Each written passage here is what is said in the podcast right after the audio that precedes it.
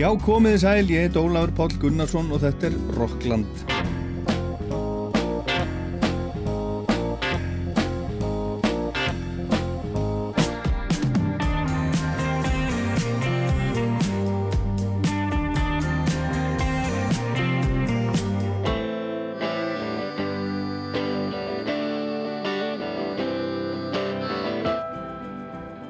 Við heyrum í Erpi Eyvindarsinni, Blas Rokka í þættinum og við heyrum nýja lægið hans, Slaki Babarinn, þar sem að Egil Ólafsson er gestur, syngum með honum, Kristján Sigur Jónsson, fréttamaður með meiru, rivjar upp blödu Jethro Tull, Thick as a Brick, sem átti 50 ára ammali í vikunni, það er hérna í lokþáttarins, en fyrst er það Mark Lanegan. Mark Lanegan er látin, 57 ára aldri. En hver var Mark Lanegan? Ég ætla með hjálp góðra manna að segja ykkur frá því hérna í dag. Mark kom einu sinni til Íslands, hjælt tónleika í fríkirkjunni í Reykjavík sem við á Rástfjö tókum upp og við skulum byrja þar og heyra hvernig hann hljómaði. Hann var með magnaða rödd, dökka, dimma, drungalega, dramatíska og það var hansi dögt í kringum hann oft, meirum þá eftir.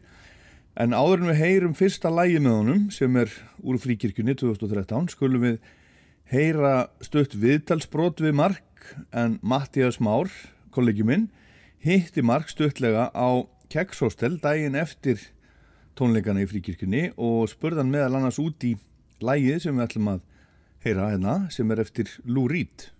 You know, everyone my age is a big Lou Reed fan, so uh, that's kind of a moot question. Uh, you have to be, you know.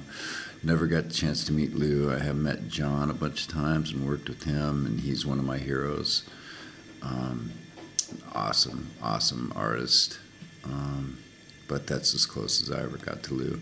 That and loving his records, you know. Um, Berlin, Street Hassle, Transformer, those are three of my top, you know, 15 records of all time. So, you know, and then throw in the Velvet Underground, and you've got you know three more of my top fifteen records. So.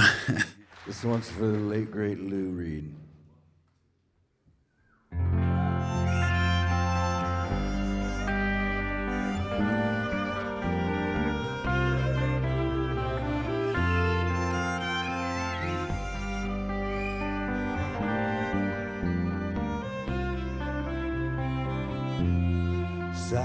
Satellites gone way up to the sky. Things like that drive me out of my mind. I watch it for a little while. I like to watch things on TV. Satellite of love,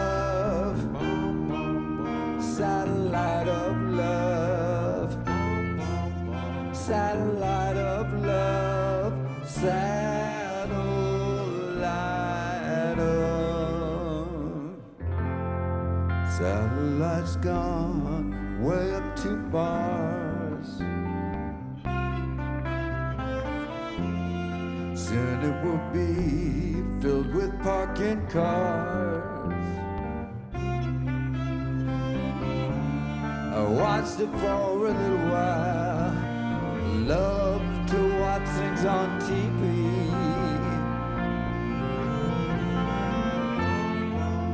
Satellite love.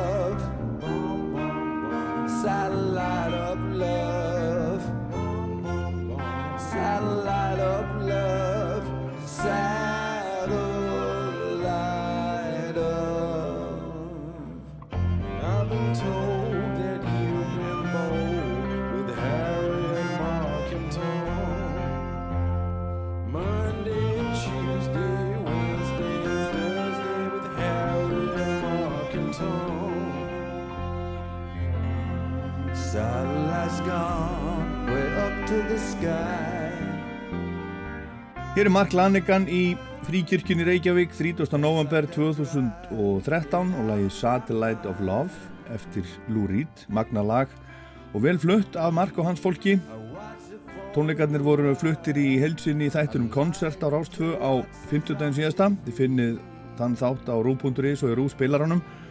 En hann saði hérna áðan, hann mark að hann eins og margir af, af hans kynnslóð, þá væri hann aðdáandi. Lou Reed var mikill aðdáandi hans. En Mark lest heima hjá sér í Killarney á Írlandi 22. februar síðastliðin og ég hef ekkert séð um dánarósög og, og fjölskyldan hefur byggð um næði til að sirkja en eftir því sem ég kemst næst þá var allt að fara í gang hjá Mark. Hann var búinn að vera að hitta hljómsveitinu sína og það stóð til að fara að gera eitthvað skemmtilegt eftir allt COVID-ið. En hann fekk einmitt COVID 2020 og það gekk næstu því að honum, að honum döðum hann fór alla leið í öndunumvél en Mark Lanegan fættist 25. november 1964 í Ellensburg í Washington í bandarækjunum sem er cirka 160 km söðu vestur af, af Seattle og við fáum með mitt smá uh, Lanegan pistil frá Seattle hérna síðar í þættinum frá honum Kevin Cole útastmanni á KEXP sem að kemur oft hingað á Æsland Airwaves en foreldra Marks voru báðir kennarar. Þau skildu þegar Mark var strákur og hann segir í æfisugunni sinni að mammas hafi ekki verið góð við hann, beitt hann andli og óbeldi og, og hann flutti til pappa síns sem reyndi að ala hann upp. En hann var döglegur að drekka, spila fjárhættu spil og eldast við konur. Og Mark segir að hann hafi bara hálfpartin alið sig upp sjálfur. Hann fjælt snemma fyrir tónlistinni og hún átti hugans allan, sérstaklega punk rock til að byrja með, Sex Pistols og, og allt mögulegt. Og 1984 þegar hann var 20 ára gammal þá gekk hann til liðs við þrjá félagur sína sem var, voru með hljómsveit, voru búin að semja nokkur lög og Mark var beðin um að prófa að syngja. Og þar með fættist hljómsveitin Screaming Trees sem er eina af mikilvægastu hljómsveitum gruggrocksins ásamt sveitum eins og Mudhoney Green River og fleirum, þetta er svona grunnurinn. Og Mark Lanegan var eitt af ædolum Kurt Cobain sem var mikið latáðandi Screaming Trees en, en Screaming Trees var orðið nokkuð stór sveit á Seattle svæðinu þegar Nirvana var til og þeir eruðu góðir vinnir, Kurt og Mark. Screaming Trees var, var aldrei eins vinsæl og stóru gruggsveitinnar, Alice in Chains, Soundgarden, Pearl Jam og Nirvana en þeir eru margir sem segja að Screaming Trees sé gruggband nummer eitt, mikilvægasta bandið. En það var aldrei mikil einingin að hljómsættarinnar, Lannigan saði að hann hafi öfundað Kurt Vinsin og því hvað Nirvana var eins og, eins og full sköpu bara þegar hún kom fram fyrst, allt á reynu, stefnan, tónlistin, lúkið, hugmyndafræðin á meðan það svona logað allt meira minna í rifrildi og, og íldeilum í hans hljómsætt. Fyrsta plata Screaming Trees, Clairvoyance, kom út 1986 og vakti ekki mikla aðtegli. Tónlistinn er einhvers konar rock, psychedeliu rock skreitt með, með kirkjórgeli og rámum söng Lanegans en smátt og smátt fjölgaði áhangandum hljómsveitarinnar á heimaslóðum fyrst og fremst til að byrja með. Og á einhverjum tímapunkti vildi Chris Novoselic, bassarleikari Nirvana, hætta þar og koma yfir í Screaming Trees en Lanegan rálaðunum að gera það alls ekki. Rolling.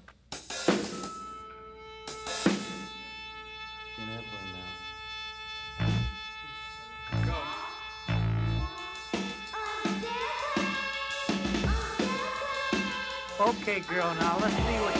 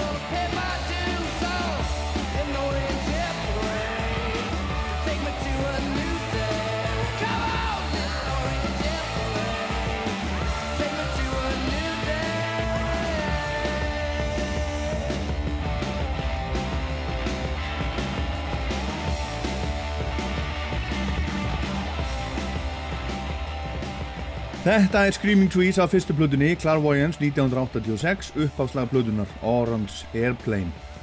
Screaming Trees gaf þetta sjö stóra plötur á árunum frá 1986 til 96 og svo hætti sveitin störfum árið 2000 Lanegan var fyrst og fremst söngvar í Screaming Trees gítarleikarin Gary Lee Conner samti megnið á lögunum og líka textónum sem Lanegan söng en setna fór hann svo að semja meira sjálfur Screaming Trees kom tveimur lögum inn á topp 10 í Ameríku á sínum tíma og kannski má segja að hljómsveitin hafa aldrei sleið almenlega í kjagni en hún var alltaf þarna í kringum gruggrokkið, bandi sem að kveikti fyrstu eldana kannski en fekk aldrei að njóta þeir almenlega. Sjötta stóra plata Screaming Trees er þekktasta plata þeirra, Sweet Oblivion, kom út í september 92. Þá komust strákandi næst í að slá í gegn og lag af henni sem við ætlum að heyra núna heitir Nearly Lost You var notað í, í Seattle Grugg myndina Singles, það var svona já, svona romantísk uh, myndum um ungt fólk í, í Seattle. Cameron Crowe gerði þessa mynd 1992 og þetta er líkast til þekktasta lag Screaming Trees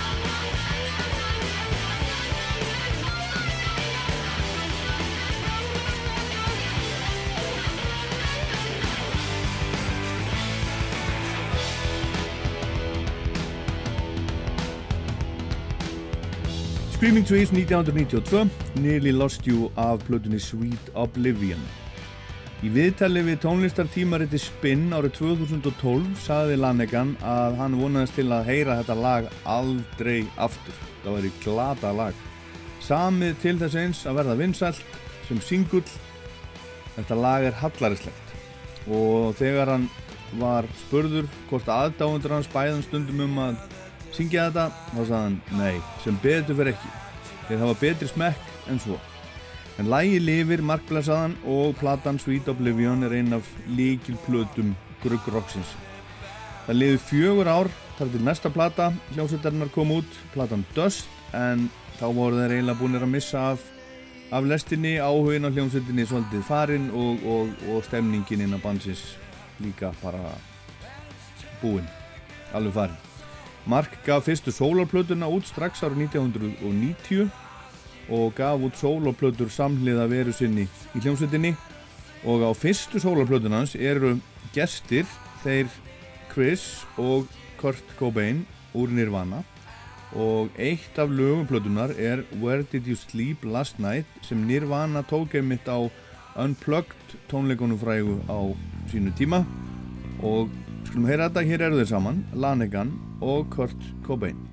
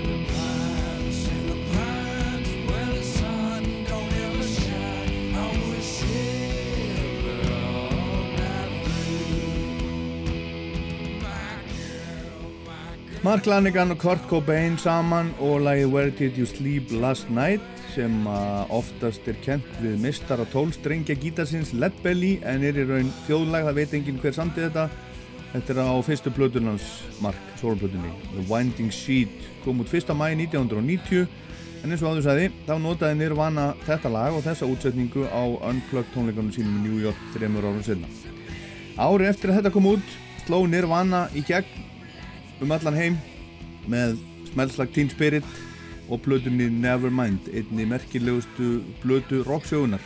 Gruggið var númer eitt og allt sem kom frá Seattle og að því svæði. Og Mark Lanigan og Screaming Trees fenguð svona smá nasa þegar af velgengni. Þeir voru hérna líka frumkvölarnir, fyrirmyndirnar og 91 kom platan Uncle Anesthesia með Screaming Trees.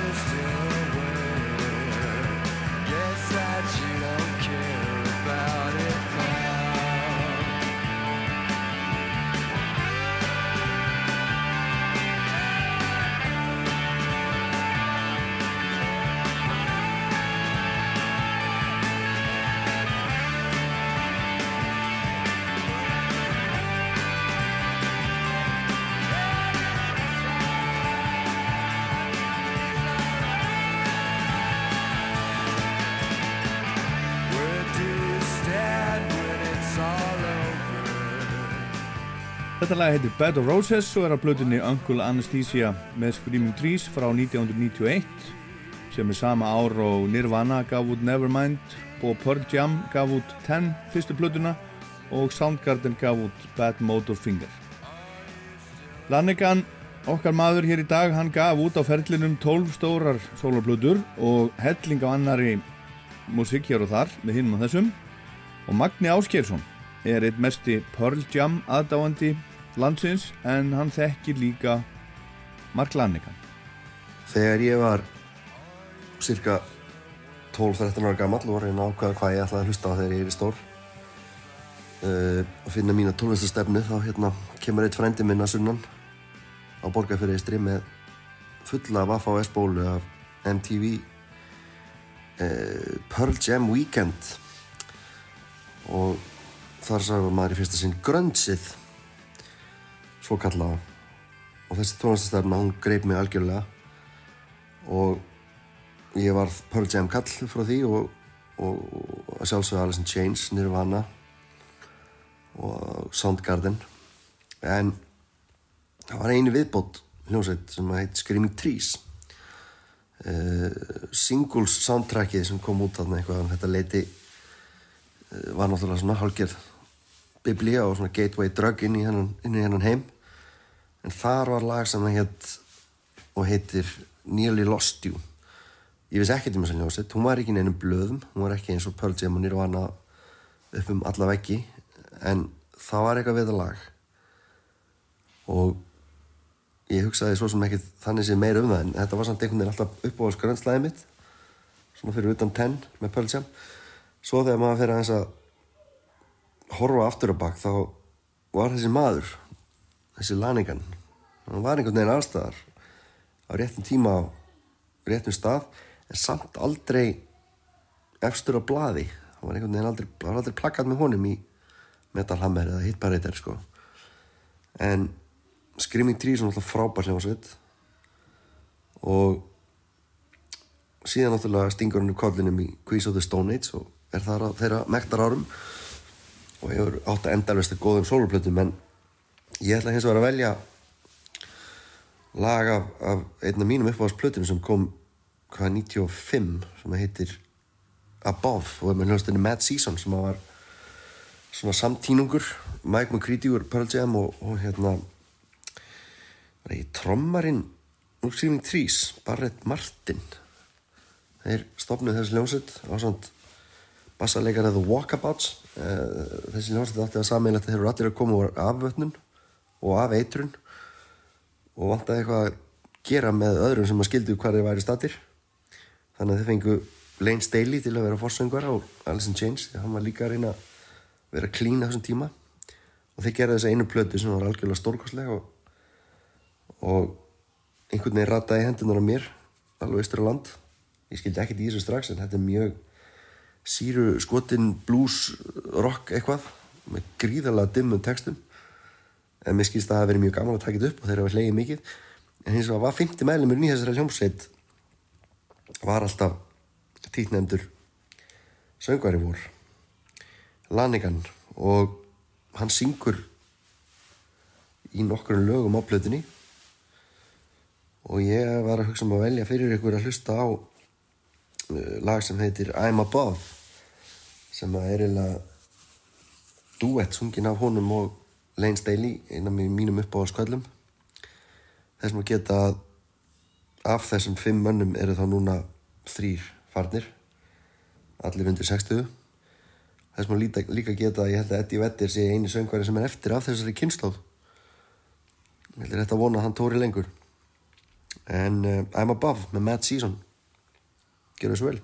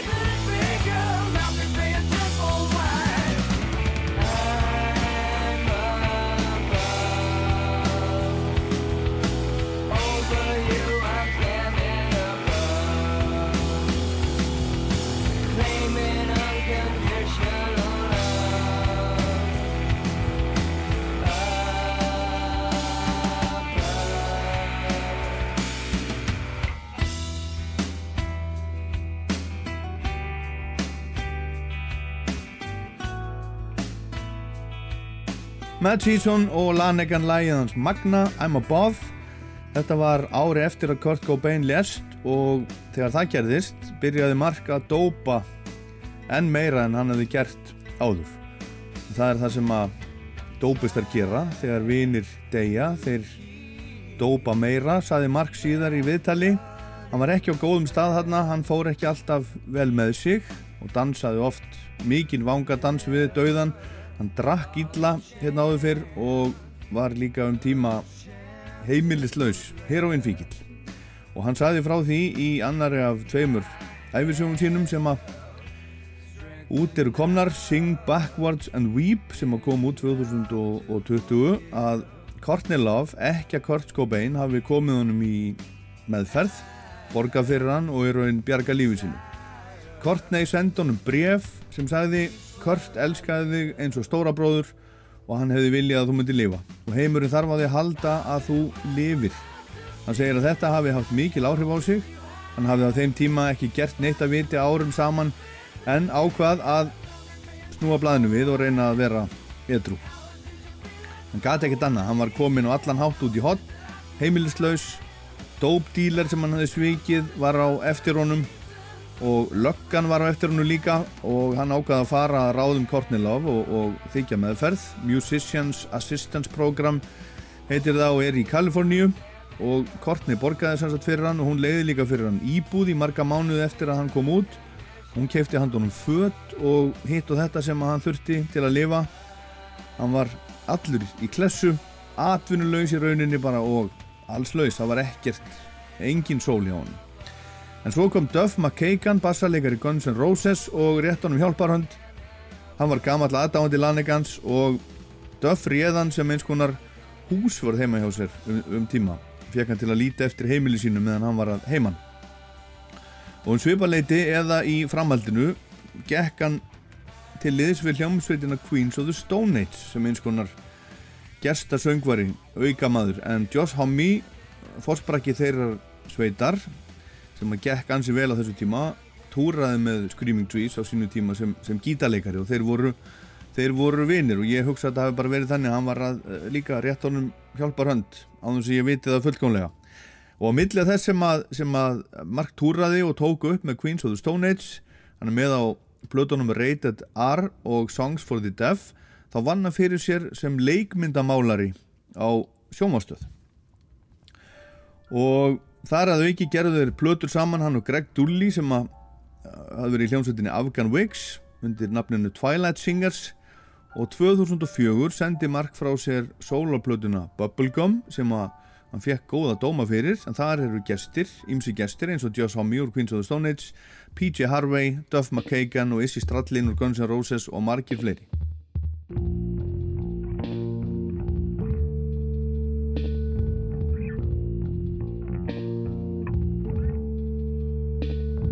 You call for the night, porter? You smell the blood running warm. I stay close to this frozen border, so close I can hit it with a stone.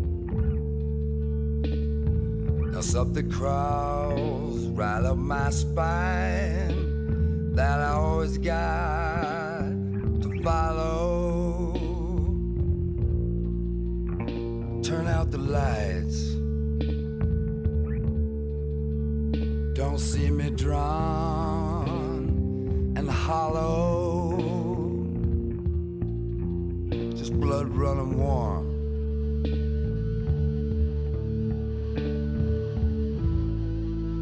No one needs to tell you that there's no use for you here anymore.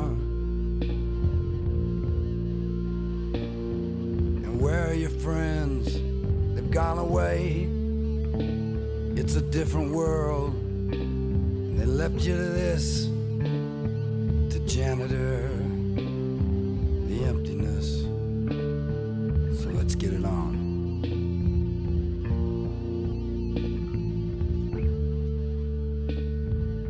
When your number isn't up heitir þetta lag When the sun af is fine. Plötunni Bubblegum frá 2004 soloplata Lanigans og þarna byrjaði hann að- dópa aftur. Hann var búinn sem sagt að vera edru búinn að fara í gegnum meðferð og svona búinn að jafna sér svolítið. En þarna fjallan og næstum strax lendan á sjúkrahósi hann var í dauða dái í tíu daga og var næstu því dáin, fertur þegar hann vaknaði úr, úr dáinu var eins og allur áhugi á tónlist hefði bara horfið. Hann hefði engan áhuga á tónlist og í raun hálfgjörst ógeð. Hann vildi ekki heyra nýja tónlist ekki gamla tónlist. Það var bara háfaði og óþægindi fyrir hann. Hann slögt á útarpinu og vildi ekkert á tónlist vita. Hafði bara alls engan áhuga á einu en einu í þessu sambandi alls ekki að reyna að semja eða syngja og hugsaði með sér því honum fannst þetta ekki gott bara hvað er eiginlega í gangi og hvað ger ég núna? Og þarna byrjaði hann að vinna fyrir sér sem, sem leikmyndamálari og smátt og smátt komst hann inn í tónlistan aftur með því að vinna með Greg Dully félagur sínum og Queens of the Stone Age. Smátt og smátt fór landið að rýsa og, og tónlistarlega var ef við horfum yfir allan tónlistarferil Marks Lanigan þá var hann ansi litríkur og skemmtilegur. Hann gaf út tvær plötur með Duke Garwood félagur sínum 2013 og 2018 og hann gerir þrjár plötur með Isobel Campbell, söngkonu úr Bell Sebastian 2006, 2008 og 2010 og það er vöktu talsverðatikli á, á sínum tíma þau þóttu ólíklegur en skemmtilegur duett.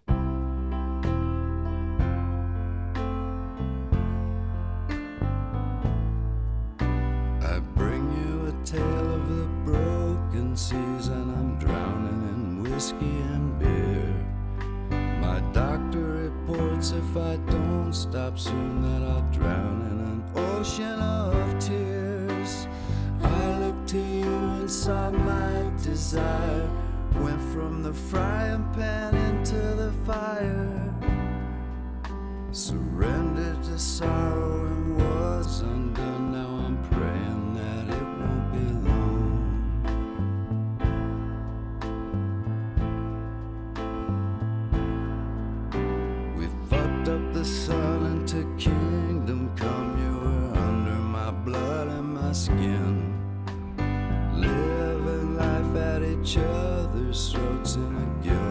sailboat of sin. Ours was an ocean to swim around in. Ours was an ocean I should have drowned in. My doctor reports that one must be strong, but I'm praying that it won't be long.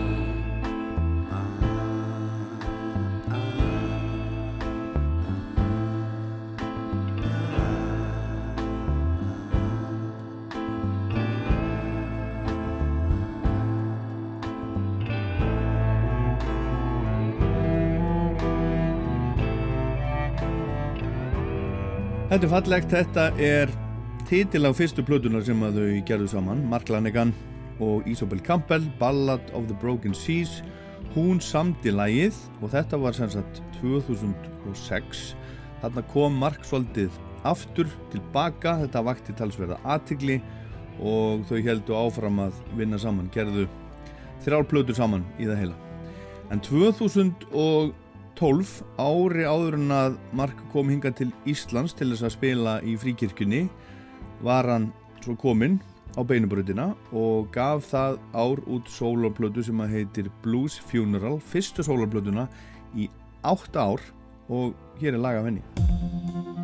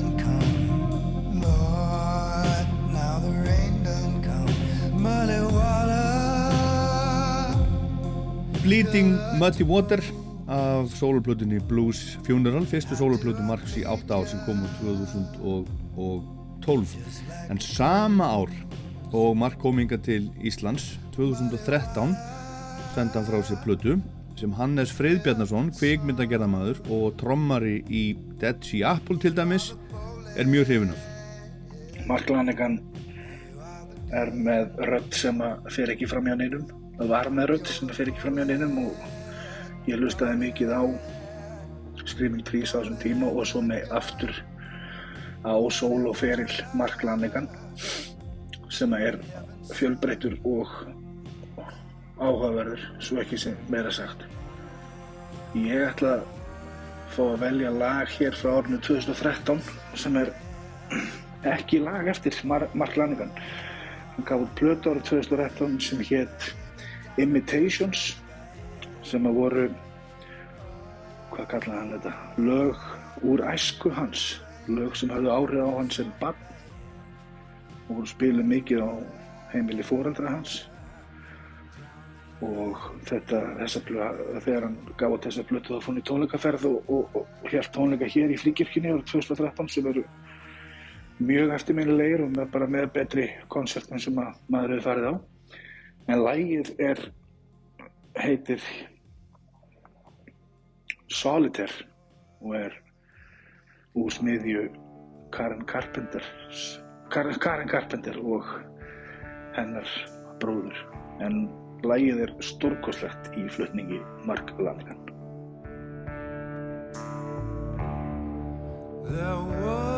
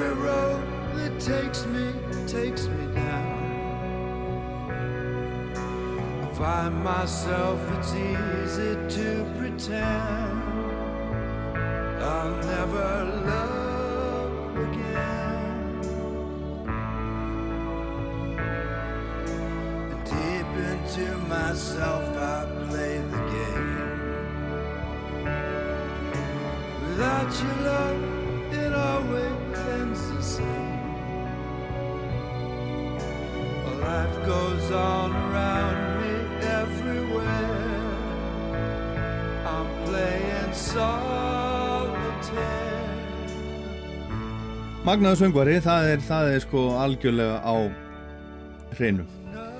Þegar Lanegan kom hinga til Íslands í november 2013 fór Mattias Már, kollegi minn hérna af 2, að hitta hann á Keks Hostel daginn eftir tónleikana og spurði hann til dæmis út í það hvers vegna hann hefði ákveða að koma til Íslands. I always try and go places I've never been before. I'm gonna try and go there through music, and for a long time, I've harassed my agents to get me a show in Iceland because it's a place I've never been, and you know, I just have a natural fascination about uh, about uh, certain places. And this is one of them. You know, the the isolation, the the uh, the history. Also, that you know, there's this amazing musical history for being such a small place. Um, you know, it's just I'm just weird in the way that I'm drawn to places other people might not be. So I finally got a gig here, and it's you know it was beyond my wildest expectations. You know, I expected to play some crappy bar, you know, just some total shiest hole, and instead I got to play in a beautiful church and meet all these awesome people. So it was, um, you know, so far it's been fantastic. Mark var búinn að vera að reyna að koma hinga til Íslands aðan og loksins gekk það upp hann, hann hafði áhuga á að koma á nýja staði saðan og, og að nota tónlistina til þess að fara með sig hinga og þangað og, og Ísland stóð algjörlega undir væntingum hans saðan en hvað þekkt hann svo af, af íslenskri tónlist? you know, Bjork and Sigur. Uh, one time I was recording at um, at uh, god, what is his name? Shock the monkey. Peter Gabriel. Peter Gabriel's studio, and those guys were there, and um, he was doing his vocal tracks, and I was like hanging around outside the door, just like, you know, ama- this was like on their second record or something. I had the first one, but um, they were making their second one, I think, then, and I just for like an hour, I just hung around listening to him do vocal tracks. It was incredible. So just the really popular stuff. I bought a book yesterday on the um, history of Icelandic popular music, though, so I plan on knowing a little bit more the next time you ask me that question. Hopefully I can. Uh, is there a difference between a European and, let's say, an American audience?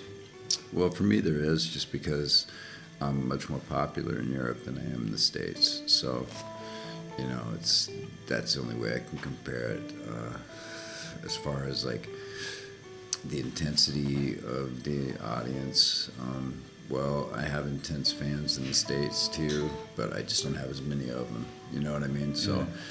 Do, you- do, you- do, you- do you have an idea why you're you're bigger in, in, in Europe than? I have no idea. Never, never wondered why. Just glad that I have a place where there's people that like to hear my music.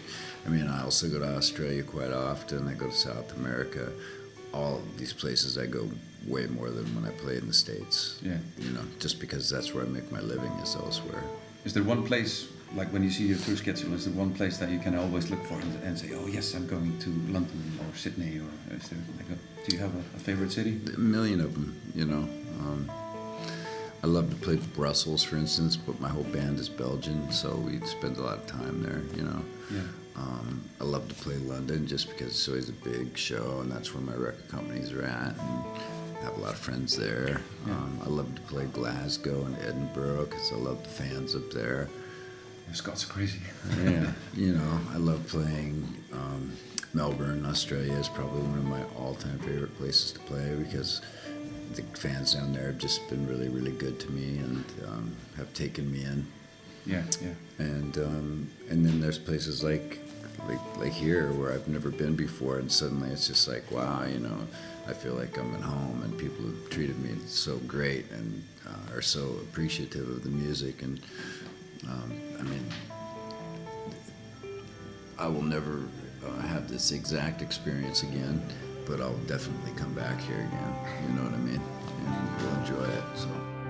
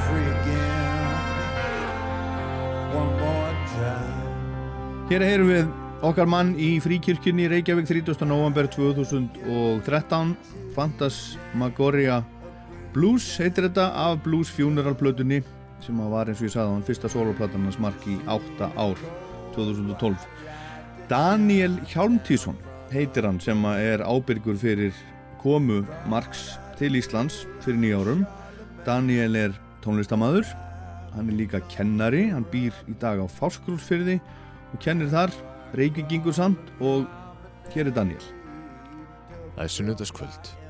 Ég geng á samt nýjum vinum, öryggiskæslu og mínum uppáhaldstónlistamanni í öllum heiminum.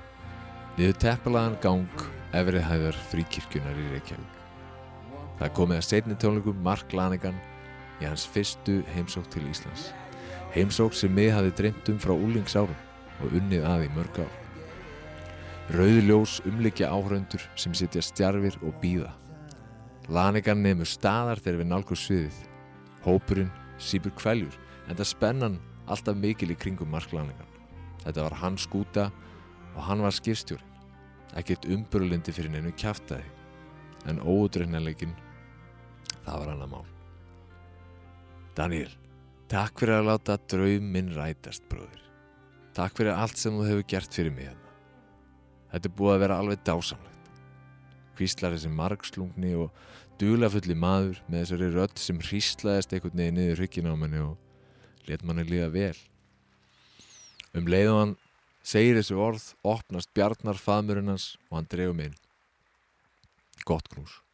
Lítandi yfir auksl þessa manns sem hafi verið með svo kær og mikilvægur sem ímyndur fjaska í öll þessi ár. Sé hljómsetta meðlum hans brosa sínu blíðasta. Klappa mér á bakið og taka um hina aukslina líkt og verið sé að taka mig inn í söpnuðin, inn í kvöldið. Velkomin, bróður. Tónleikar gerdagsins höfðu gengið vonum framar og höfðu við eitt deginum á listasöfnum í kirkjum og ég leita svörtum konveskum, góðum kaffibotla og iPhone 5S. Löngsaga. Enga bíp fróðu, Daniel. Kringlan. Hvað er málið með alla þessar jólasveina hérna? Allir með gítar. Hvað í fjandanum er í gangi hérna? Og svo hló hann. Hann var með alveg ótrúlega fallegan smitandi hlátur og það hann hló ótrúlega mikið. Aðvendan, Mark Lanegan, kaffi, jólasveinar, kringlan. Hvað getur klikkað? Mark Lanegan var mikill húmoristi og listagrúskari og tók hann sér drjúan tíma í að vafrum Reykjavík leita fallegum listaverkum. Hann var fagur keri og velti hlutunum mikið fyrir sér. Hann kaus oftar innveruna en markmennið og hvarf oft. Where's Lanigan? var tít. Hann átti það líka til að skoða í gluggum og kalla í okkur til að til getum ekki örgulega að retta ykkur fyrir hann. Hann var feimin, auðmjúkur og kurtis, en vitur, óbjóðslega vitur. Hvort sem það væri ullarsokkar eða skúlturar Einars Jónssonar, þá langaði hann í allt íslenskt og honum fannst allt svo fallegt. Hvað tækiru með þér? var það fyrsta sem hann saði við mig. Pikkandi í öxlin á mér yfir sætisbækja á mjög þjættsetnum leigubíl frá flugvellinum. Ha, hvað tækiru með þér ef það myndi gjósa? Og úrvarð, vinátta sem þróaðist í tæpan áratug. Ímyndin röddin í fjaska sem kom betur í ljós og var mér vinur. Hann skildi mig og ég hann. Við möttum að heyra aðeins meira frá Daniel um Mark Lanigan og líka frá Kevin Cole á KEXP í Seattle í Rocklandi í setni hlutanum hérna rétt og ættir.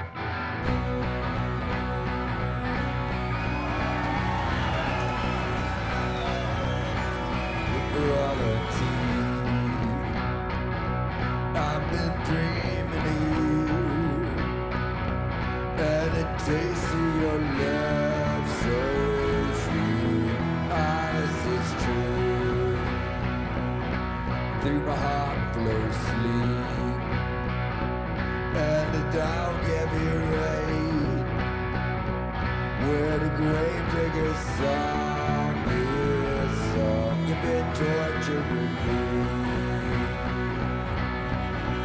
Tu t'es noir, pardon. Tu.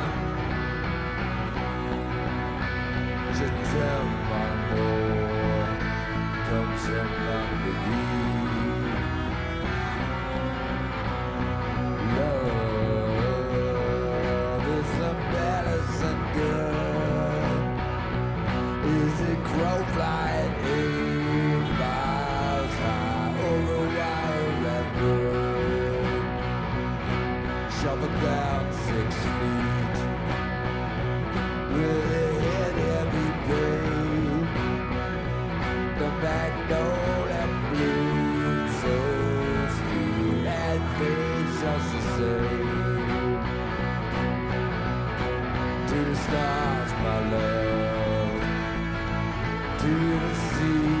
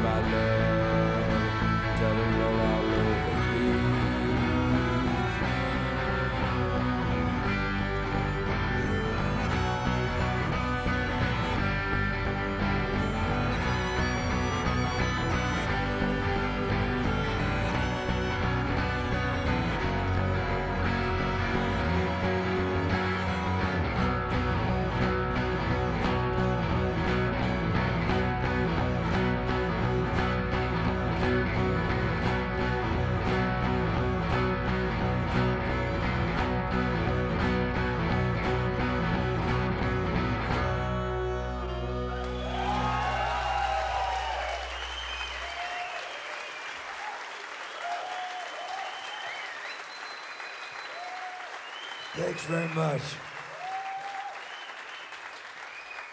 Please say hello to Cetia Van Gorkum and Jonas Papp on the strings.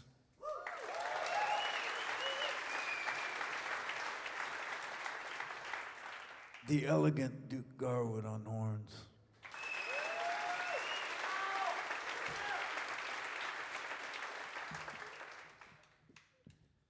The high flying Fred Lynn on bass.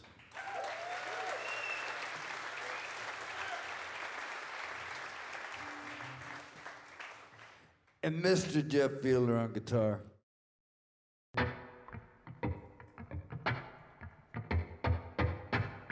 Hi, this is Mark Lanigan. You're listening to Roush Tweet.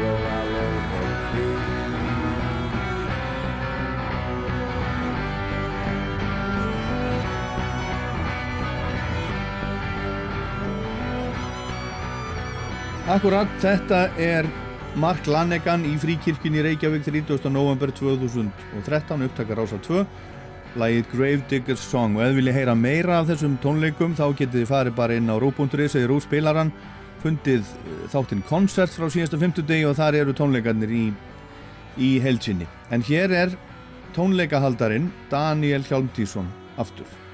Hljómsveit Mark Lanegan, Mark Lanegan Band, var mér afar kær sumuleiðis og var síðasta skiptið þar sem ég hitti þá alla saman baksviðs á Roundhouse tónleikastanum í Camden í London við miðan desember árið 2019. Kortir í COVID. Þar hófst einnig enn sterkari tenging við Lanegan og ný tenging við þáverandi túrstjóraðara og núverandi umbósmann minn, Roy.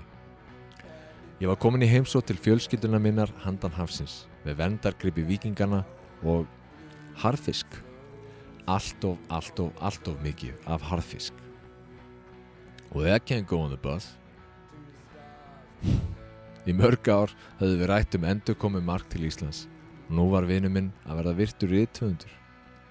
Já, æ, anskotin, en ég byrjaði að reykja aftur, langar mig að koma aftur til Íslands. Og síðsona voru við komnir í okkar náttúrulega óþvingaða samtal eins og áður. Reykjandi vapning í hvítum 70s vetrajakka með heyrnatólum hálsin, gulltennur og óutgefna sjálfsæfisugur sína undir hendinni, brosand út af eyrum og hlýr var Mark Lanegan. Við tölum betur saman um allt saman í Brussel í mæ, sem svo aldrei varð, því miður. Mark Lanegan þekkti missi, stundum ofvel. Hann þekkti myrkur, betur en flestir. Hann kendi mér að skilja myrkrið og vinna með það í gegnum list. Leifa myrkrinu að gefa þér, en ekki taka frá þér. Hann var lengi að læra það sjálfur og of oft dansaði hann á hálli línu að falla á því prófi. Hann hafði þó fundið sjálfan sig aftur oftar en flestir og fengið fleiri tækifæri til betrunar en honum þótti hann eiga skilið. Hann vissi vel hvað hann vildi og hann gekk á eftir því. Hann hleyfti ekki öllum inn og var á mörgum talin úrillu fílupúki. Gamal hundur. Ég var eitt þeirra sem kynntist aldrei þessari hlið en ég heyrði og ég sá ímislegt og ég fann vel að hann gæti látið finna fyrir sér. Hann var opinn fyrir ótrúlega mörgu, samstörum, endalusum. Hann var góðsarnakendur, hann leiði mögnuðu lífi. Hann var reyðubúin að hjálpa mér og öðrum í kringum sig og kættist mikið við það að fá að gefa af sér. Fyrir það er ég honum æfinlega og innilega þakkláttur. Hann var dreymandi úlfur sem þagði í nóttinni á meðan aðrir ílfruðu. Hann var örugur. Hann fluttist frá borgarbrælunni í Los Angeles og ókyrðinni í sveitasæluna og friðin á Írlandi. Hann elskaði konuna sína, Shelly og hundana sína og virtist njóta þess að eldast, vel. Eftir að hafa verið nær dauða en lífi vegna COVID árið 2021 var hann komin á skrið aftur í februar þessu ári, hálf heyrnalus, en farin að æfa bandið sitt að nýju. Hann ætlaði upp, hann ætlaði áfram. Fleiri bækur, meiri músík, nýtt stöf. Ég á eftir að saknas rosalega mikið. Míns kæra vinar, læriföður og stuðningsmanns, laugin, bækurnar, samtölin, hláturinn. Viskan. Hann hafði frá svo mörg að segja og hann átti svo margt eftir. En hans tími var komin. Hans númer tekið upp á boksi vinnarnas, döðans, nágrannars sem hafi krafsaði baki á honum alla hans æði. Og hann söng mikið um. Farðu í friði, kvildu, verdu frjáls. Þjáningun er lokið og ég þakkláttu fyrir að hafa kynstir á svo marga vegu.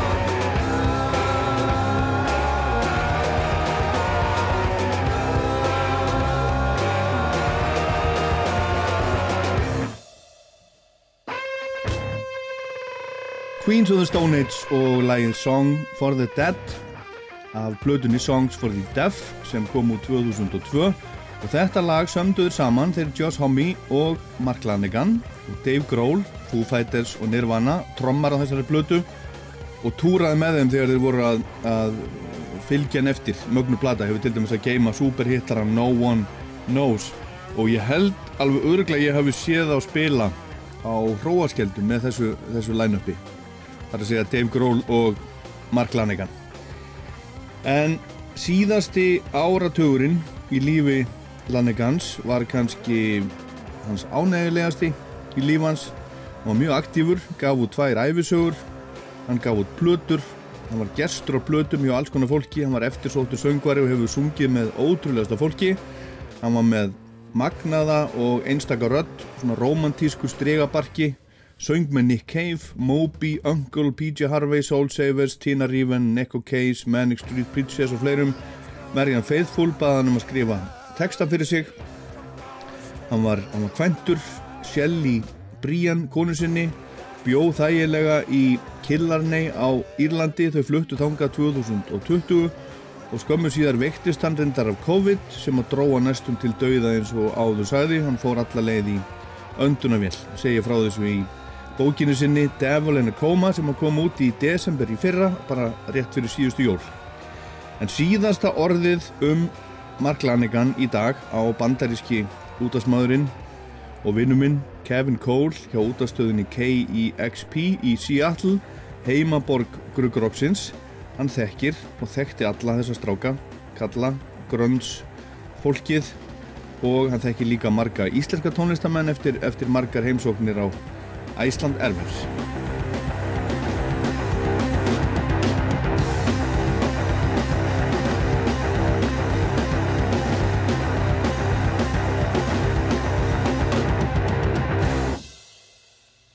Ole Paul, thanks for having me on. Much appreciated.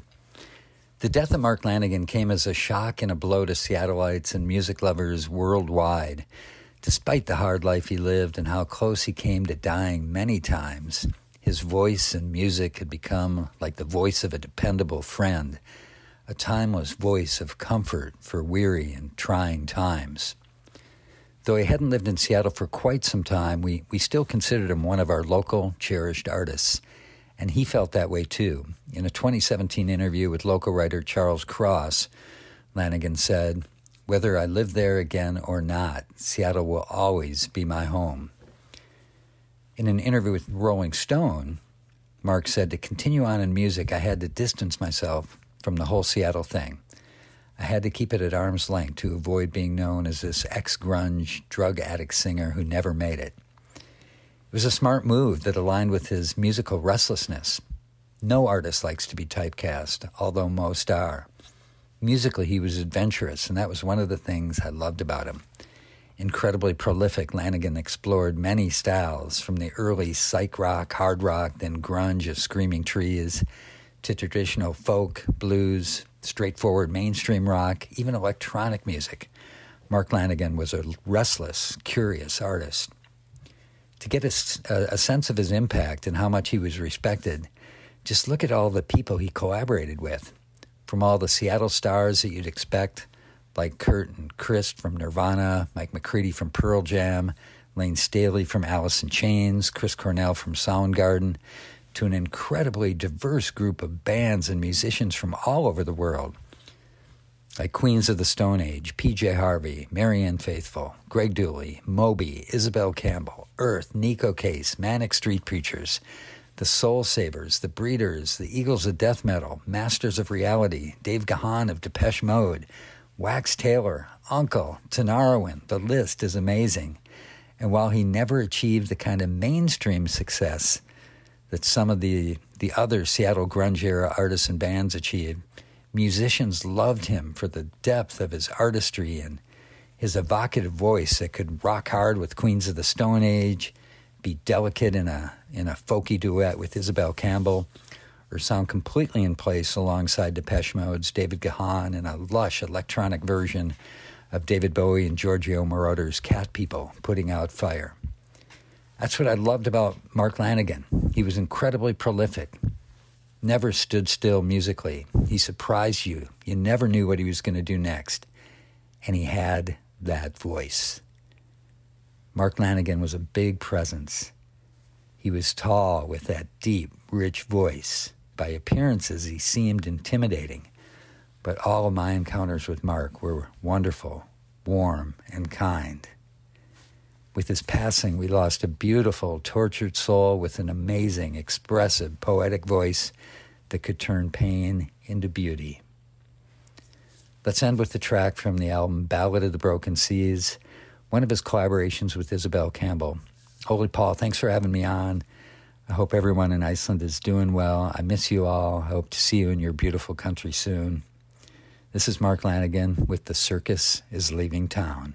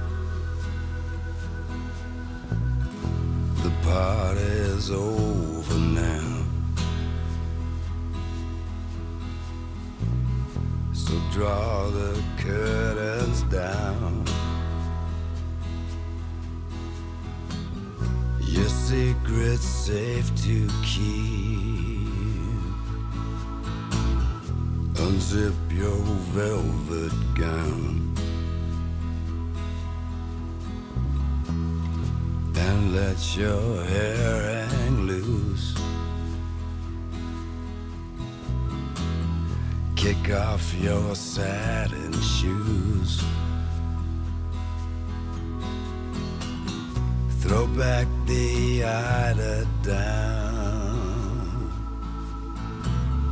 Farewell to Friday's clown. The circus is leaving town, oh Ruby, roll your stockings down. Circus is leaving town, oh Ruby, dry your eyes. Fix up something to eat. Still water, still run deep. The dogs are barking now. Get back out on the street.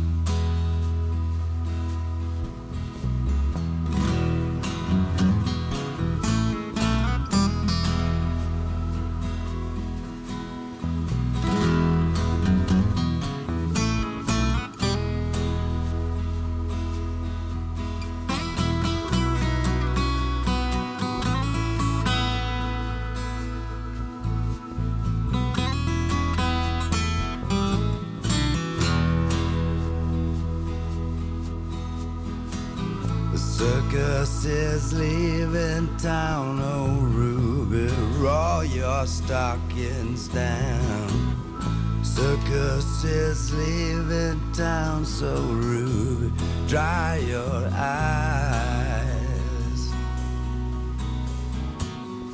The party's over now. Stop howling at the moon. Mark Lanegan, Rust in Peace. Og ég þakka þeim Magna, Matta, Daniel Hjálmtíðsynni, Hannesi, Trommara og Kevin Cole fyrir þeirra innlegg í, í þessa þessa hvað að segja Mark Lanegan messu. En þá að allt öðru. Erpur Eyvindarsson Blas Rocka sendi frá sér lag núna í síðustu viku sem að heitir Slaki Babarinn og þar er Egil Óláfsson sérstakur gestur með honum. Erpur er komin hinga til mín í Rockland við heyrum í honum rétt á ettir en fyrst skulum við heyra eitt af lögunum af fyrstu plötunni þeirra Rottvælarhunda XXX Rottvælarhundar sem að koma út rétt eftir að þeir sigruðu í músiktilrunum fyrir rúmum 20 árum. Já, þetta er nú Ómar Ragnarsson en svo eru að fælast inn eitthvað í kringum með þessir XXX Rottweiler hundar. Bara hí á ykkur, þeir eru aumingjar og verið skítrættir þegar ég geri þetta við ykkur hundandir ykkar. Ég velti mér textalega upp úr hugsunum Hætta, ég er ekki á þeim buksunum Erfiðari anstæðingum með þér. Er ég vanur, heimilislaus Það búið að loka keisaranum. En það er allt í góðu því að böndi mikið menni. Viti með þín að segja Eigi dósir handa henni. Hvert haflegur ríka puh, það er þær sorg. Svipar þó að segja að bend sé ekki góðsögn Með að bendi til hins anstæða Textalega tæknivæða Hýpa mikill að gæða. Ykkur mun ég ávat hæða. Alltaf nægir þegar tindunum náð Ef þú batla mig þá er ósögn næstu grössum Myndir rústa þér með báðar hendur í vössum Nú er komið að loka nikkinum. Ég kreð þar upp á rá sem standast ekki stikkinu Þú ert nú satan aumingi og emjandi og vælandi En með stóru tá ég stík á þig Híjá, híjá, híjá,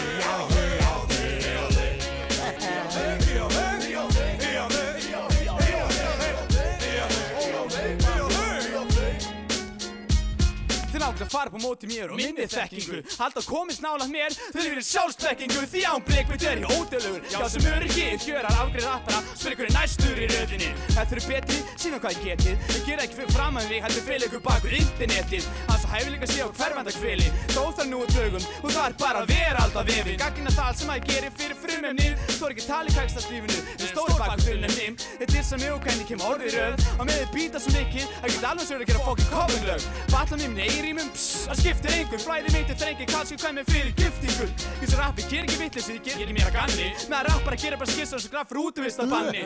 Rappar get ekki lætt að samukastæður Þessu sömur rappar að falla, annars þú gerða samrættum Ef verða að baka mig, ég slík á hif Stíð og breynda sanna þig, en hans fokkin hí á þig. Þú ert nú soddan aumingi og emjandi og vælandi. En með stóru tá ég stík á þig hee yow, hee yow, hee yow, hee.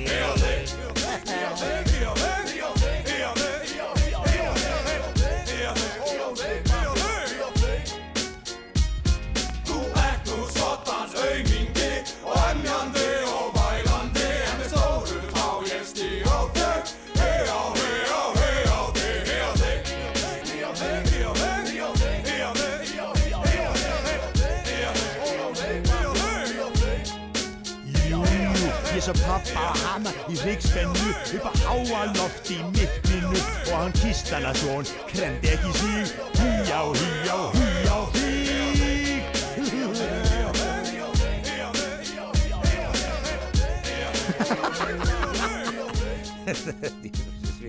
Þetta er XXX Rottweiler af fyrstu plutinni sem kom út, hvað, 2000? 2001 2001, Já. bara rétt eftir nú, þeir eru bara megastjörnur, bara superstjörnur. Já. Rosalegir Rosalegt og hérna og ég man eftir því að þegar við unnum músitölunir þá komst þú þú varst í domnemnd Nei, ég var kynir Þú varst kynir Já. og þú sagðir við okkur hérna, að sama hvað gerðist þá yrði nóg að gera hjá okkur í spileri, hit upp og okkar svona. En síðan bara kortir í setna þá voru allt þetta lið, sveitaballa gengi og svona bara, þetta, þeir voru bara bara hitu fyrir okkur sko. Já, já, akkurat. Já, já. Nei, ég sá, það- sá það strax, þið voru, þið voru ótrúlega skemmtilegi sko. Mm. og ég, ég sá bara, að- einmitt, ég mann eftir þessu sko, þetta var inn í, í búnisklefa og ég sagði bara, hvað þið vinni hérna ekki, Mm. skiptir engin móli það verður brjála, brjála að gera hjá okkur. Já. Og við ég, og þetta sannaði það fyrir mér og þér, ég hef alltaf rétt fyrir mér Ég verð að segja alveg reynd út að þetta var hárétt matjaður um, en það sem að við byggust aldrei við að við, ég held að flestir okkar hafa ekki búist við að vinna. Við vorum, þegar var Aha. búið, var búið að tilkynna annarsætið þá vorum við að labba út. Það? já, þá ætlum við bara að labba út sko. við byggust ekki við því að vinna. Já, já. Og, og hérna og síðan náttúrulega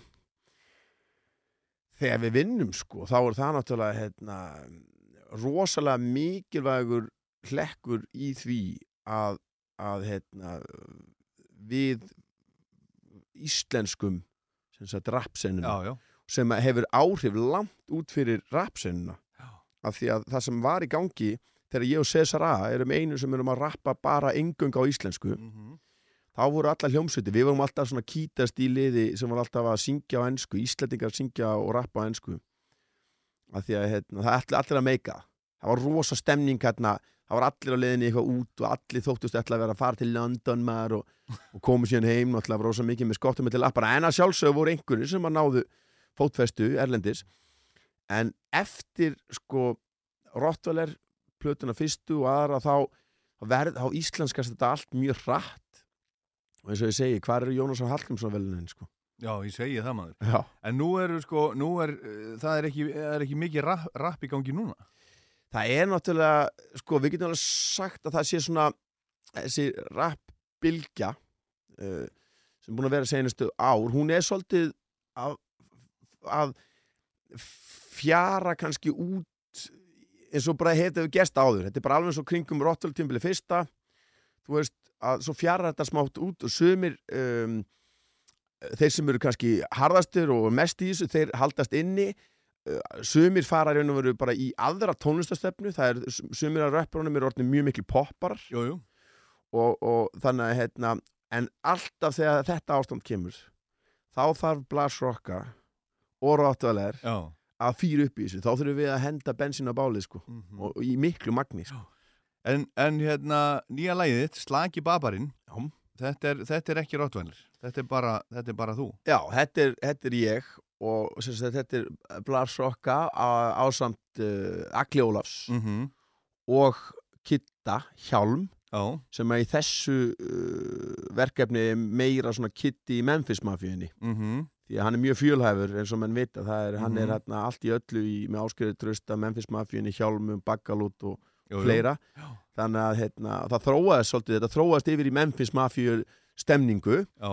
þannig að hérna sko með Rottweiler það er, það er aðeinslegt að vinna með Rottweiler uh, en, en það er ros, það er svona þegar þú ert að vinna svona eitthvað solo dótari þá þá, þá er engin mála miðlun í raun og veru sko þá gerir maður algjörlega sem maður langar og mér langaði rosalega þetta lag er svona þetta er, þetta er, þetta er klassík þetta er massa grúf Mhm. Þetta er svona, þetta er svona það er svolítið svona superstition feelingur í þessu Já, þetta er svona Stevie Wonder Já, já, þetta er akkurat Þetta er svona, þetta er svona, þetta er svona mjög svart og mjög svona notalegt svona, hérna, og rosa mikið svona, það er mikið, mikið svona bú, mikið búnisklefi Mikil búnisklefi í þessu Já.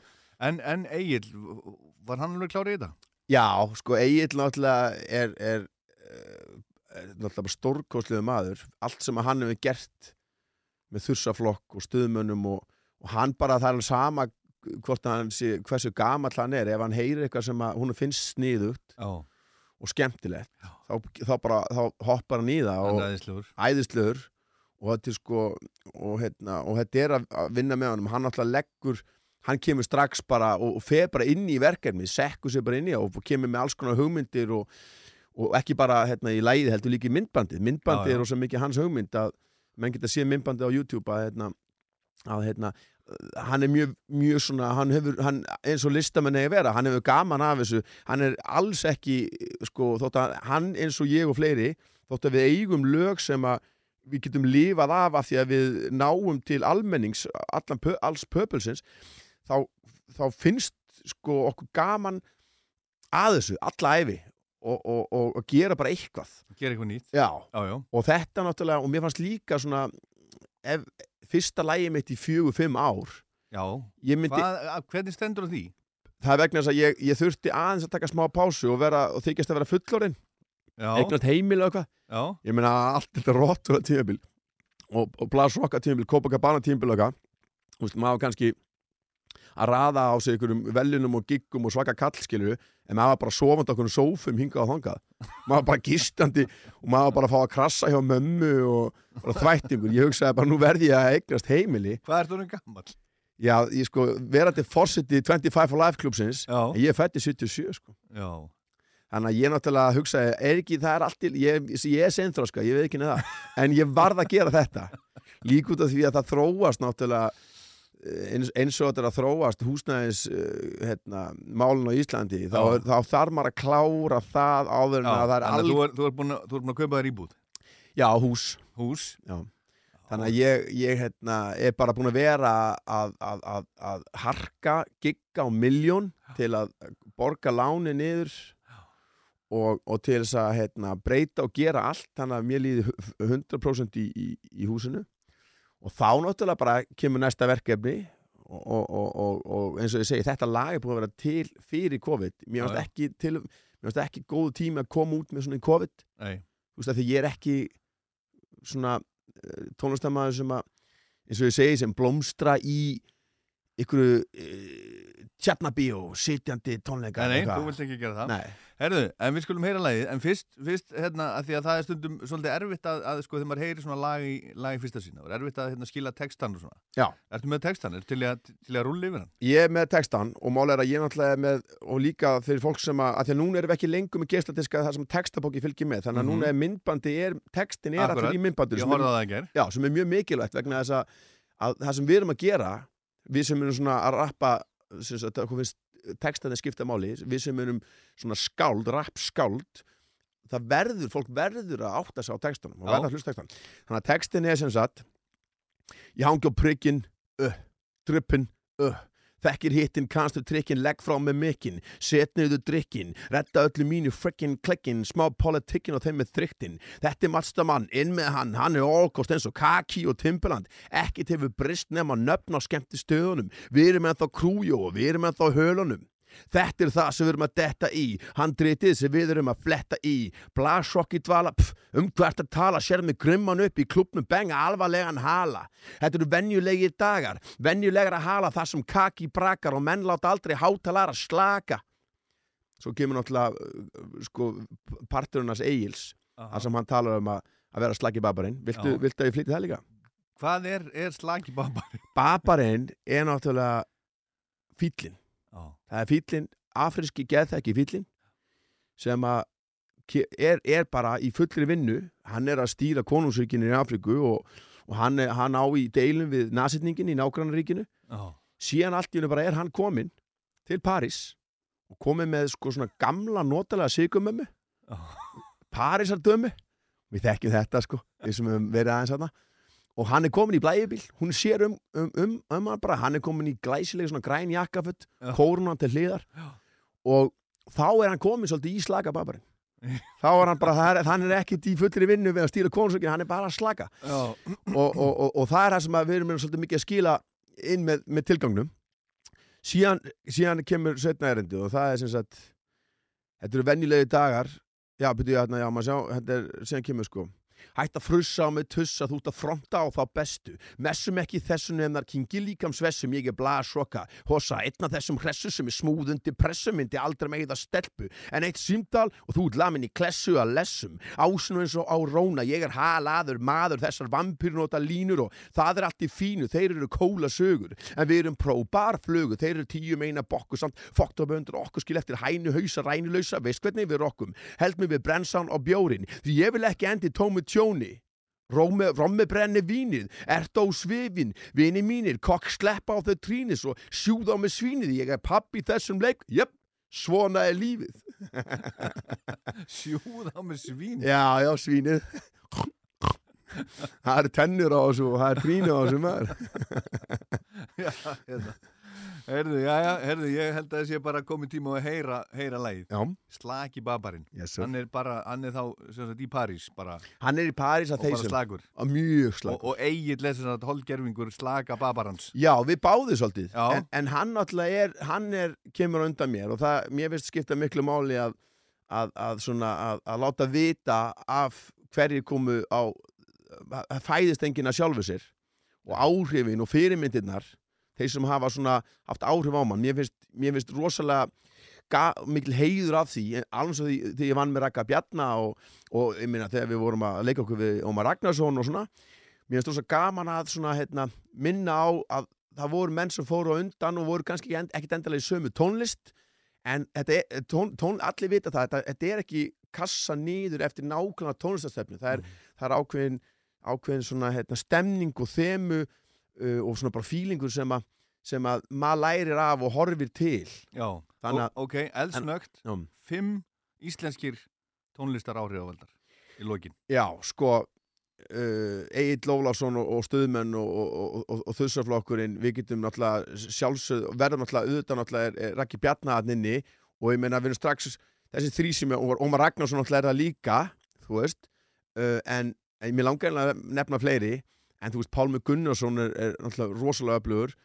Um, uh, Bjartmar Guðlusson Bubbi Mortens þú veist, mega sér svakalega textahöndur uh, hérna um, um, þú veist tap, sko, tappi tíkaras frablarnir uh, þú veist ég, er búinn að nefna Bubba en, en, en, en ego og auðvitaðsmenn eru, meira en bara Bubbi. Hérna Uh, þú veist, ég er svo bókað að gleyma ykkur. Þú sett já, alveg já, á Já, já, já, þetta er, þetta er, þetta er svona Þetta er, þetta er, þetta er bara allir spurning, sko. En, en ég held að sé bara, bara duetta plata Blas Rocka and Friends.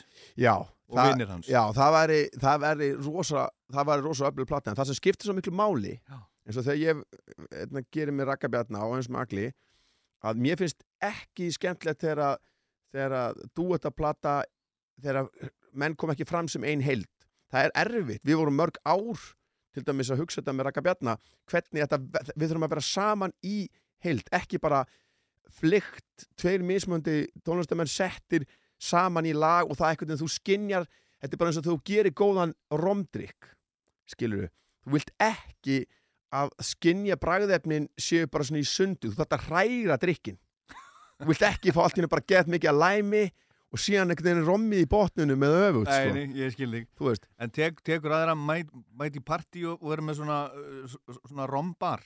Ég hef gert það, ég hef haldið masterclass í rommi bæði fyrir engaðala sko, en líka hluti af Reykjavík Cocktail Weekend. Ég hef gert það, ég hef verið með romskóla. Þú kemur þegar ég, þegar ég verð færtur Já. Ok.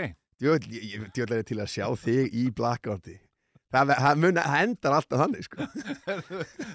Takk fyrir kominu, skulum heyra slaka babarinn Takk hennur Slagi babari, blæsróka Egil Ólafs, Snómas. Baby og blagga motherfucker. Bara stöð mæn Hónd og bryggjinn, dippin Þekkir hittir gáta drikkin, legg frá mig mikinn Set niður drikkin, þetta nýju frikkin Klikkin, smá politikkin og þeim er friktin Þetta er matstafann, inn með hann Hann er okkost eins og kaki og timpiland Ekkert hefur breyst nema nöfn og skemmtu stöðunum. Við erum ennþá kújó og við erum ennþá hölunum. Þetta er það sem við erum að detta í. Handreitið sem við erum að fletta í. Blasrock í dala, um hvert að tala. Það með grimman upp í klubbum, benga alvarlegan hala. Í náttföt, nú reyndi Bledson þar sem kaki brakar menn látt aldrei hátalara slaga Baby og blagga Motherfucker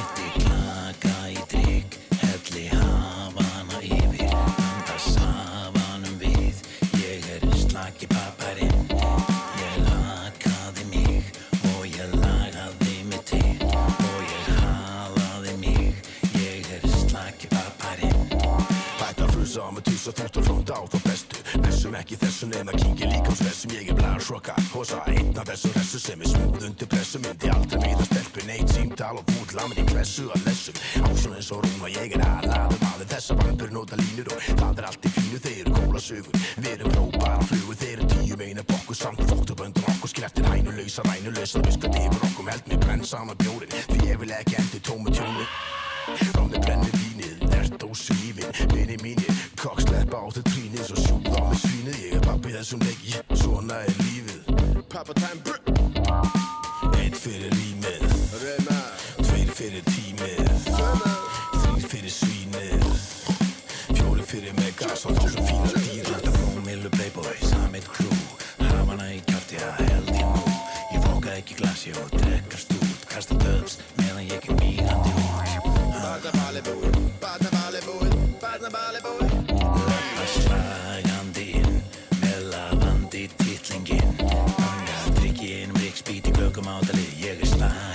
slagi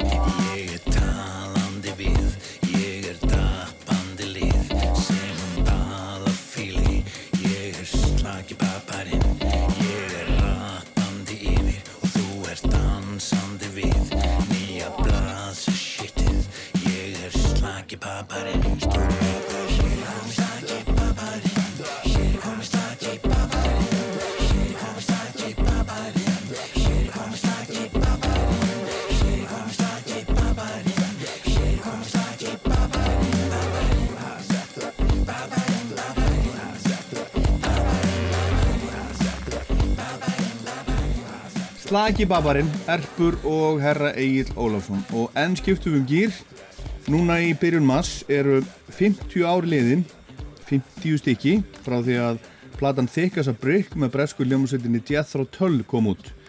Jethro Tull var árið 1972 á hátindi fyrirnsins feiki vinsæl tónleika hljómsveit í Európu, Norður-Ameríku og Japan.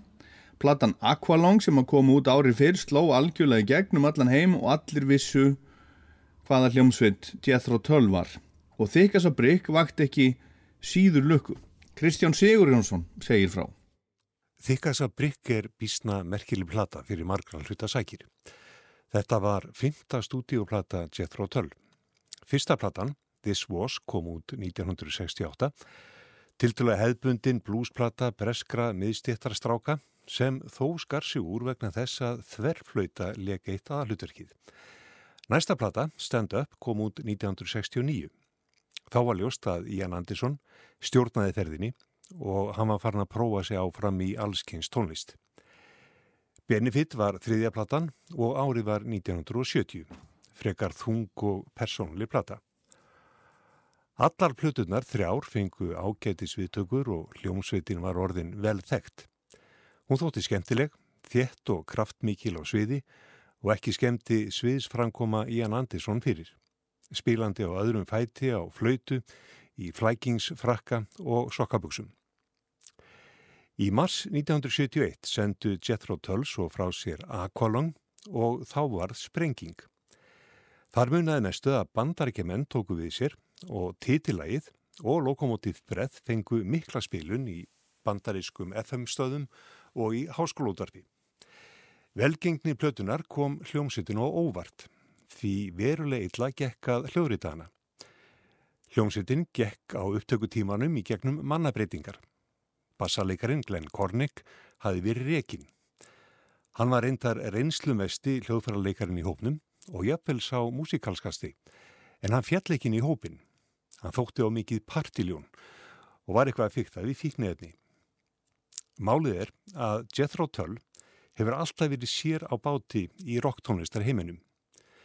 Þó þeir litu út eins og menn sem fjall eins og flýs við rass við sex, drugs and rock'n'roll ímyndina, þá liðu þeir í raun heilbreyðu og eðlilegu lífi. Þeir voru agaðir, nefndu ekki í parti eftir tónleika, heldur fóru hverinn á sitt hótelherbyggi, lásu Akatu Kristi eða horðu á sjónvarpið. Nema Glenn Cornick. Og því fór sem fór. Nýji bassalegarin Jeffrey Hammond Hammond var æsku félagi Andersson úr unlingarhljómsutum frá Blackpool. Hafði ekki snert bassan í 2-3 ár og því reyðgæður þegar kalli kom. Það tók því langan tíma að hljóðrita plötuna. Stúdiótæknin var að stríða þeim og allt gekk á afturfótonum. En loks varð platan tilbúin og gaggrínendur og sérstaklega almenningur tóku plötunni afskaplega vel. Tónleikar voru haldnir á sífælt stærri stöðum og peningar fóru að streyma inn.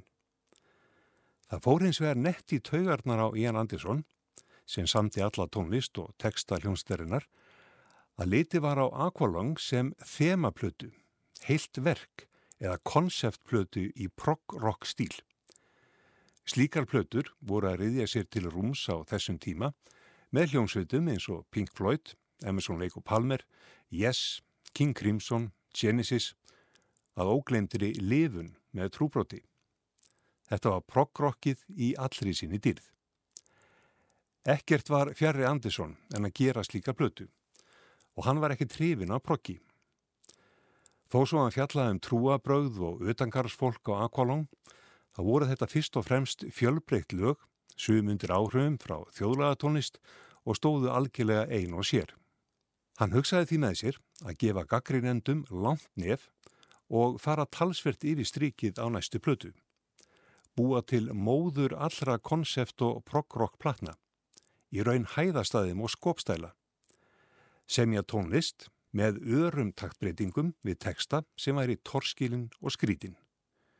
Og þar með mótaðist hugmyndin að þykasa brygg. Ian Anderson it probably came about primarily because the thing that we'd done the year before, which was the Aqualung album, um, had generally been perceived as a concept album, whereas to me it was just a bunch of songs, as I've always said. And um, so the first thing about Thick as a Brick was let's come up with something which is um, um the mother of all concept albums um, and really is a, a mind boggler in terms of what was then relatively complex music and also lyrically was complex, confusing, um, and above all, a bit of a spoof. It was quite deliberately, but in, in a nice way, tongue in cheek, and meant to send up ourselves, the music critics, and the audience, perhaps, but not necessarily in that order. Um, but it was meant in a nice way. This was the t- this was the period of time of Monty Python's Flying Circus and the and, and a very British kind of a humour, which um, was not terribly well understood by the Japanese or the Americans when we finally went out to perform Thick as a Brick in concert. But they, they sat politely if uh, a little confused through, through the whole thing and came back next time for more, so it can't have gone too far amiss. Andersson var ekki nema 25 ára á þessum tíma, fullur af sköpunarkrafti og félagar hans á svipuðum aldri. Andersson var einn eftir af fjórmenningunum sem hljóðritaði This Was árið 1968. Í stað hinn að þryggja voru komnir þrýr æsku og skólafélagar frá Blackpool sem Andersson þekkti vel og hafði spilað með áður. John Evan, piano og orgelleikari, áðurnendur Jeffrey Hammond Hammond á bassa og Barrymore Barlow á trommur. Fyrir var Martin Barr, gítarleikari, sem hafði verið með frá orslókum 1968. Hljómsveitin legði æfingahúsnæði í útkverfi Lunduna í nógumber 1971 og æfið upp efnið á plötuna, sem Andersson samti jafnóðum á halvu mánuði. Þar á eftir fóru þeir í stúdjó og kljóðriðtuðu plötuna á tíu dögum. Tekstan samti Andersson í nafni Gerard Bostock, átt ára drengs sem var ekki til, en margir skildi ekki brandaran og úrvarð heilmikill rugglingur. Þykkasabrikk var ekki aðeins rúmlega 40 mínútna langt samfelt tónverk, heldur fyldi víninplötunni umslag eða album sem á ekki sinn líka í rokksugunni. Það var hanna sem dæmigert ennst landsbyðar eða þorpsblad St. Cleave Chronicle með öllu því efni sem fylgir slíku bladi. Staðarfréttum, fæðingar, brúðkaups og jarðafaratilkynningum, auglýsingum, teiknimyndum, íþróttafréttum og framhaldsögum. Allt þetta etni skrifuðu félagarnir í ljómsveitinni, engum Andersson og Hammond. Aðalfréttin var um að Gerard Lilla Bostock hefði verið vísað úr ljóðasangetni með ljóðsitt Þykasa Brygg af óljósum ástæðum. Það er einni plötudómur um Þykasa Brygg í blæðinu og platan fær ekkert sérstaklega góð á dóma. Allt er þetta skrifað í anda þess húmor sem hafði rutt sér til rúms meðal ungs fólks á Breitlandi á þessum tíma og kendur er við Monty Python hópin. Það skildi ekki allir húmorinn, sérstaklega ekki utan Breitlands, en bandarækjaman voru á þessum tíma að byrja að uppgöta Monty Python þannig að leiðin var sæmilega greið þar í landi. Í raun tók mun lengri tíma að skrifa bladið, taka ljósmyndir og hannaða, heldur en það tók að semja og hljóðrita tónlistina á Þykasa Brygg. Þegar platan kom út þann 3. mars 1972 var henni tekið opnum örmum bæði af aðdáðundum og tónlistapressunni. Byrjunin á plötunni er eins og allra flottasta og mest grípandi í rokksugunni og all spílamennska þjett og humindarík. Félagar Ian Andersons í hljómsdynni eiga meiri þátt í útsetningum og loka útkomu en á flestum öðrum plötum Jethro Tull og það má greinilega heyra það í spilagliðinni. Allt í kringum Þykkasabrikk er fullt af þversögnum. Platan er skopstæling eða parodía á konceptplötur og prog-rock, flókin en samt einföld og liftrandi. Tekstin er á tíðum tóm steipa en samt er í honum línur sem allir rock unnendur kunna. Your sperms in the gutter, your love's in the sink. I thought we steered a very good line between making it sound um, vaguely plausible as a as a concept and being so, you know, quite um, quite silly um, to the extent that most people would get it and not be offended if they weren't quite sure and somebody said, "Oh, come on, I'm just putting you on here." Platan sem átti að hæðast að proggrocki er í staðin álitin sem einn besta proggplata allra tíma. Hún er næst söluhæsta eða vinsarasta plata Jethro Tull á eftir Akolong og ásamt henni svo plata sem haldið hefur nafni Jethro Tull hæst á lofti. Árið 2012 bætti Ian Anderson svo um betur og samti framhald af Þykasa Brygg, Þykasa Brygg 2 og kom til Íslands og spilaði á samtfélugum sínum báðakaplana í hörpu við mikinn fögnuð. En það er allt önnur ella. Nefnilega og þannig endur við þetta í dag. Takk kærlega Kristján Sigur Jónsson fyrir þetta. Ég minni á Rockland á netinu, á, í Rúf spilaranum og, og podcast á Spotify og iTunes til dæmis og svo minni ég á Rockland mæli með lagalistan sem ég uppfæri mánaðlega á Spotify, tjekkja á honum endilega og, og fylgið ef ykkur líst á það sem að er þar en ég heit Ólafur Póll Gunnarsson þetta var Rockland, takk fyrir að hlusta Really don't mind if you sit this one out. My words but a whisper, your deafness a shout. I may make you feel, but I can't make you think. Your sperm's in the gutter, your love's in the sink. So you ride yourselves over the fields and you make all your animal deals and your wise men don't know how it feels to be thick as a brick.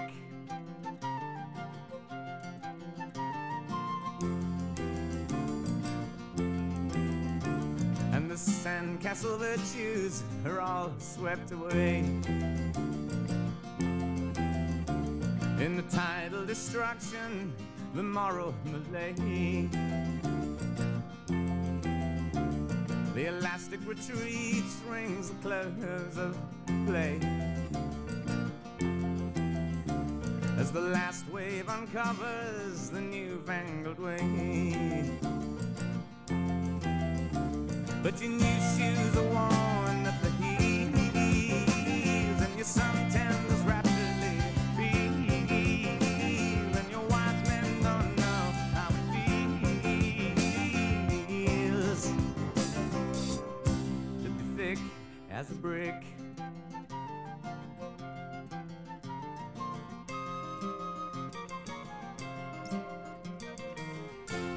And the love that I feel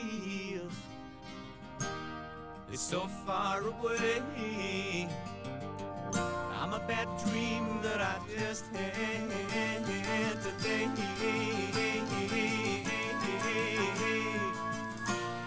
And you shake your head.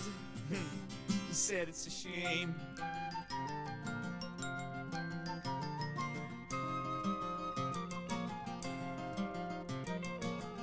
Spin me back down the years and the days of my youth.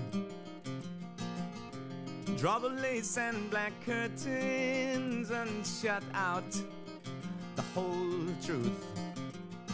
Spin me down the long ages, let them sing the song.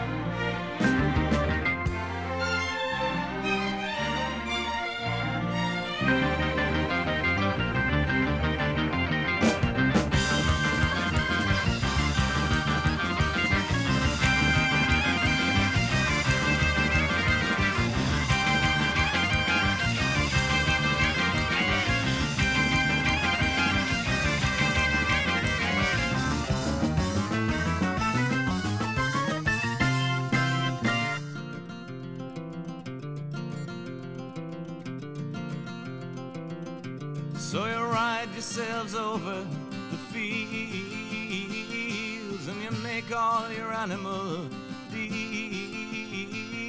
and your wise men don't know how it feels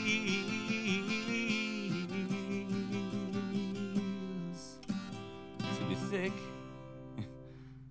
as a brick.